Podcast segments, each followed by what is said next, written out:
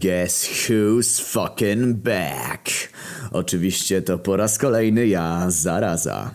Wiem, że tęskniliście, nie odzywałem się dość długo, a to dlatego, że pojechaliśmy z braćmi na małe wakacje, o których wspominałem w ostatnim poście. No, może nie takie małe, bo kawałek świata jednak zwiedziliśmy, ale powoli. Wypada zacząć wszystko od początku. No, na początku to ogólnie był chaos i nic poza tym, ale przenieśliśmy się szybko kilkadziesiąt tysięcy albo milionów, zależy kogo pytasz, lat do przodu. Mamy czerwiec i mniej więcej wtedy zaczynam wam opisywać nasze przygody w szkole i kurwa nawet nie pamiętam czyjego imienia było to liceum, mniejsza o to. Niestety nie byliśmy na zakończeniu roku i nie wiemy jak szkoła zareagowała na zniknięcie dyrektora, a szkoda, bo byłem ciekawy do jakich wniosków dojdą, kiedy dodadzą do równania zaginioną sekretarkę. No nic. W każdym razie mieliśmy z braćmi niemałą rozterkę odnośnie miejsca, w które się wybierzemy. Wypadałoby w końcu wypocząć po tym ciężkim roku szkolnym, nie? Po długich kłótniach i bijatykach, podczas których śmierć stracił trzy zęby, a głód lewe jądro, doszliśmy do porozumienia i rozpisaliśmy sobie wszystkie propozycje i zdecydowaliśmy, że wybierzemy się we wszystkie zaproponowane miejsca. Pozostawało tylko ustalić kolejność, a to dało nam kolejny powód do awantur i kłótni, przez które tym razem to ja stałem się najbardziej poszkodowanym i znowu powstałą blizną na policzku, kazałem im zamknąć mordy, grożąc zarażeniem całej trójki rakiem mózgu. Nawet nie wiem, czy potrafiłbym to zrobić, jednak te ameby umysłowe również tego nie wiedziały i w ten oto sposób opracowanie planu naszej podróży spoczęło na moich barkach. Pierwszy na liście był Czarnobyl. Dałem go na pierwszego, bo w sumie najbliżej i tak naprawdę najtaniej. Byłoby trochę słabo, jakbyśmy przejebali cały hajs na pierwszym wyjeździe, nie? Pakowanie nie zajęło nam zbyt dużo czasu. Od dwie ołowiane skrzynki z naszymi ciuchami i dwie siaty żarcia z biedry na drogę. Oczywiście głód wziął własny prowiant, który składał się z kilkunastu skrzyń burgerów i kebabów, które pozamawiał sobie bezpośrednio do miast i wsi, które mieliśmy mijać po drodze, dzięki czemu co kilkadziesiąt kilometrów odbierał sobie po jednej takiej paczuszce i był wręcz przeszczęśliwy. Spryciula. Droga minęła nam ogólnie w raczej miłej atmosferze, ale to głównie przez to, że śmierć uparł się jechać na swoim Harley'u, którym wpierdolił się w drzewo w połowie trasy, dzięki czemu nie musieliśmy słuchać jego pierdolenia. Musiał potem dzwonić do nieba, podszywając się pod świętego Jana, żeby dali mu pozwolenie na nawiązanie kontaktu z pogańskimi bogami i wynajął Hermesa, żeby go do nas dostarczył. Zabulił za to tyle hajsu, że zostało mu może z dwie dychy w portfelu. No ale jebać śmierć, wróćmy do Czarnobyla. Zajechaliśmy gdzieś pod wieczór, minęliśmy parę bramek kontrolnych, o dziwo nikt nie robił problemów, jednak wszyscy przestrzegali nas, żebyśmy zawrócili i spierdalali stąd póki jeszcze możemy. Oczywiście wyśmialiśmy ich, bo nie po to zapierdalamy taki kawał drogi, dusząc się z gorąca w pierdolonej multipli, żeby teraz poddać się jak ostatnie pizdy. Byliśmy zbyt ciekawi jak to wszystko wygląda i czy spotkamy jakieś zmutowane zwierzaczki albo zombie. Samo miasto sprawiało przygnębiające wrażenie. Opustoszałe osiedla, pełne szarych blokowisk, na których nie widać było żywej duszy. Gdzie są kurwa zombie? Wydarł się zawiedziony wojna. Na planie pisało, że będą zombie! Kurwa, zjebie. To ulotka reaktora strachu. Myślałem, że padnę ze śmiechu. Co? Tego chujowego ho... O kurwa! Patrz, zombie! Prawie zesrałem się z podniecenia, kiedy po drugiej stronie ulicy dostrzegliśmy ludzką sylwetkę. I co kurwa? Mówiłem, że będą! Uradował się wojna i ruszył na monstrum ze swoim mieczem, który zajmował nam pół jebanego bagażnika. Zombiak jeszcze nas nie zauważył, za to my mieliśmy doskonały widok na niego i mogliśmy podziwiać jego ohydne cielsko w pełnej okazałości. Był cały zielony, miał brodę do kolan i poruszał się w typowo nieumarłym stylu, odbijając się o wszystko po drodze i regularnie przewracając co kilka kroków. W dłoni ściskał coś, co wyglądało na kawałek szkła. Wojna, jak to on, nie pierdolił się w tańcu i jednym płynnym cięciem przepołowił skurwiela w pionie. Nie powinniśmy przypadkiem zaczekać na śmierć? Zasugerował głód. E tam, co będziemy się nudzić? Poszukajmy ich więcej! Radośnie wrzasnął wojna i ruszył na poszukiwanie kolejnych nieumarłych truposzy. Ja, jako że już trochę zgłodniałem, poprosiłem głód o jakieś żarcie i razem siedliśmy na jakimś murku, nasłuchując triumfalnych okrzyków wojny, który najwyraźniej siadł, znalazł sobie kolejne chodzące manekiny treningowe. Wtedy to pojawił się śmierć. Kurwa, co was pojebało? Mieliśmy do Czarnobyla jechać! Wrzasnął na powitanie odliczając hajs dla Hermesa.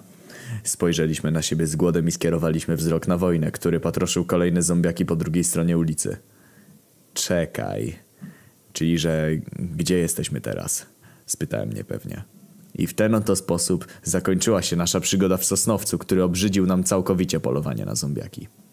Tylko wojna był szczęśliwy, bo wreszcie miał okazję poszlachtować mieczem coś innego niż tablice korkowe i wypchane kukły. W każdym razie zgodnie stwierdziliśmy, że jebać Czarnobyl, lecimy do następnego punktu naszej wycieczki, którym miał być Meksyk. Ale wtedy zaczęły się problemy. Przede wszystkim zaczęliśmy się zastanawiać, czy nasza multipla poradzi sobie z pokonaniem Atlantyku, a po drugie według naszych wyliczeń hajs jaki poszedłby na paliwo w jedną stronę równał się wszystkim naszym oszczędnościom. Kurwa, panowie, to się chyba nie uda, stwierdził błyskotliwie wojna. Co robimy? Pomyślmy, kto mógłby nas przeprawić do Ameryki za mniejszą cenę. O nie, nie, nie! Oburzył się śmierć. Pierdolę Hermesa i jego super szybkie usługi transportowe. Jebaniec potrącił mi podwójną stawkę tylko dlatego, że po drodze musiałem się odlać. Chodziło mi bardziej o jakiś stricte morski transport. Ktoś się jeszcze tym zajmuje? Posejdon przestał się w to bawić parę wieków temu. Przestało mu się to podobać i zajął się syrenimi burdelami. Odparłem zaspany. No, stronie burdela? Zainteresował się nagle Głód. Ej, to brzmi naprawdę fajnie. Możemy w którymś się po drodze zatrzymać. Miałem tu gdzieś mapę z zaznaczonymi najtańszymi miejscówkami. A Lewiatan? spytał nagle śmierć. Wait, chcesz wyruchać potwora morskiego? Przeraził się wojna. Ja pierdolę. Gość zajmował się podwodnym transportem. Może on mógłby nas, wiecie, zabrać. Hmm. Nawet nie głupie. Jak się chcesz z nim skontaktować? Chuj wie. Biblia nic o tym nie mówi? Nie mam pojęcia. Nie czytałem. Ale skoro mówimy o morskich stworach, może od razu wynajmiemy sobie Cthulhu. Z nim akurat nie powinno być problemu, wystarczy jebnąć parę wersetów z Necronomiconu i zaraz cholera wylezie. Wiecie co? Chodźmy najpierw do Watykanu. Jest bliżej. Potem pomyślimy. Zaproponował Głód. Przystaliśmy na tę propozycję, bo byliśmy zbyt zmęczeni na dalsze kłótnie. Kiedy wreszcie dojechaliśmy na miejsce, dochodziło południe. Mieliśmy małe obawy, bo cały czas mieliśmy na pieńku z niebem, więc papież mógł mieć do naszej czwórki, cóż, lekkie uprzedzenia. Nie zraziliśmy się jednak i poszliśmy na audiencję, która odbywała się następnego dnia. Tak się złożyło, że papież rozdawał akurat autografy, więc grzecznie ustawiliśmy się w kolejce, czekając na swoją kolej. Po ośmiu godzinach wreszcie stanęliśmy przed głową kościoła katolickiego. Przywitaliśmy się grzecznie i podaliśmy mu egzemplarz Mein Kampfu, oprawiony w ludzką skórę, który wzięliśmy do podpisania. Dedykacja będzie dla... Wojny, śmierci, głodu i zarazy, odparłem z uśmiechem. Chwila, moment. Papież zmarszczył czoło. To na was Bóg jest taki wkurwiony ostatnio? Ostatnio? Puh, próbuje nam dojebać już od paru dobrych wieków, odpowiedział radośnie śmierć. Nie, nie. Parę dni temu wystawił nowy list gończy, podwoił liczbę dusz. Spojrzeliśmy na siebie z braćmi. To znaczyło Spokojnie, nie zamierzam was wydać, roześmiał się papież, błędnie interpretując nasze przerażone miny. Ale w zamian e, musicie mi pomóc. Miałem zamiar dzisiaj dokonać jakiegoś e, fikuśnego cudu, tak wiecie, żeby się popisać przed ludźmi. Ale jest jeden problem. Jezusa gdzieś wcięło. Nie wiecie może... Halo! Rozległ się nagle znajomy hipisowski głos. Odwróciliśmy się. Wojna stał z telefonem w łapie i wyciągnął go w naszą stronę. Dałem go na głośnik. Jezus? To ty? Wydarł się papież. Gdzie ty do chuja jesteś? Umawialiśmy się! Kurwa, papaj.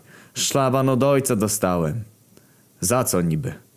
Dowiedział się, że poszedłem na wywiadówkę jeźdźców, przebrany za ich matkę. Papież wcisnął czerwoną słuchawkę. Kurwa i co teraz? Już zapowiedziałem, że pokażę im jakiś cud. Ja pierdolę, ja pierdolę, ja pier... Chwila, chwila, chwila. Głód włączył się do rozmowy. Pamiętacie, jak przedstawia nas Biblia? Święty Jan pisał o wojnie, śmierci, głodzie, ale czwarty jeździec, spojrzał wymownie na mnie, był przedstawiony w kilku wersjach. Wiecie już o co mi chodzi? Nie, odpadliśmy zgodnie. Kurwa. Papa i ty też? Oj, odpierdol się. Nie czytałem. Oburzyła się głowa kościoła katolickiego. Gut przewrócił oczami. Nasz kochany zaraza był przedstawiony m.in. jako sam Mesjasz, pomagający nam rozpierdolić świat, gdy nadejdzie jego koniec. Już życie? Możemy go wykorzystać zamiast Jezusa. nikt się nie skapnie, bo to w końcu zgodne z Biblią. Ej, ja tu jestem, obruszyłem się. Czyli nie mam nic do powiedzenia? Nie mam ochoty udawać żadnego Mesjasza z moją mordą, wezmą mnie co najwyżej za ofiarę wszystkich plak egipskich. Masz rację, pokiwał głową papież. Nie masz tu nic do powiedzenia. Chuje wystroili mnie w jakąś dziwną, jedwabną sukienkę, w której wyglądałem jakbym dzień wcześniej zmienił płeć i dali mi w łapę jakąś laskę, która podobna była jakąś relikwią czy coś tam. Potem wypchnęli mnie na balkon i tak oto stanąłem ramię w ramię z papajem. Spojrzałem w dół i po pierwsze zestrałem się ze strachu, tak wysoko było, a po drugie przytłoczyła mnie liczba ludzi, którzy przyszli oglądać Mesjasza swoich czasów. Musiałem dobrze wypaść. Papież zaczął pierdolić coś o tym, jaki to zajebisty jest, że za jego kadencji Bóg po raz kolejny podesłał nam swojego syna itd. Ja się wyłączyłem totalnie i zacząłem rozmyślać o swoim Dark Soulsowym save'ie i o tym, że za wcześnie poleciałem do Anorlondo i teraz Ornstein i Smog mnie wyruchają w dupę, bo na hita schodzę. Już opracowywałem w głowie możliwe rozwiązania, kiedy zorientowałem się, że coś jest nie tak. Odwróciłem się i moim oczom ukazał się przerażający widok. W drzwiach balkonowych stał wojna. W ręce trzymał swój skrzący miecz. Wojna? Co ty tu? W tym momencie wykazałem się nadzwyczajnym refleksem, unikając gwałtownego cięcia. Co ty odpierdalasz, woj?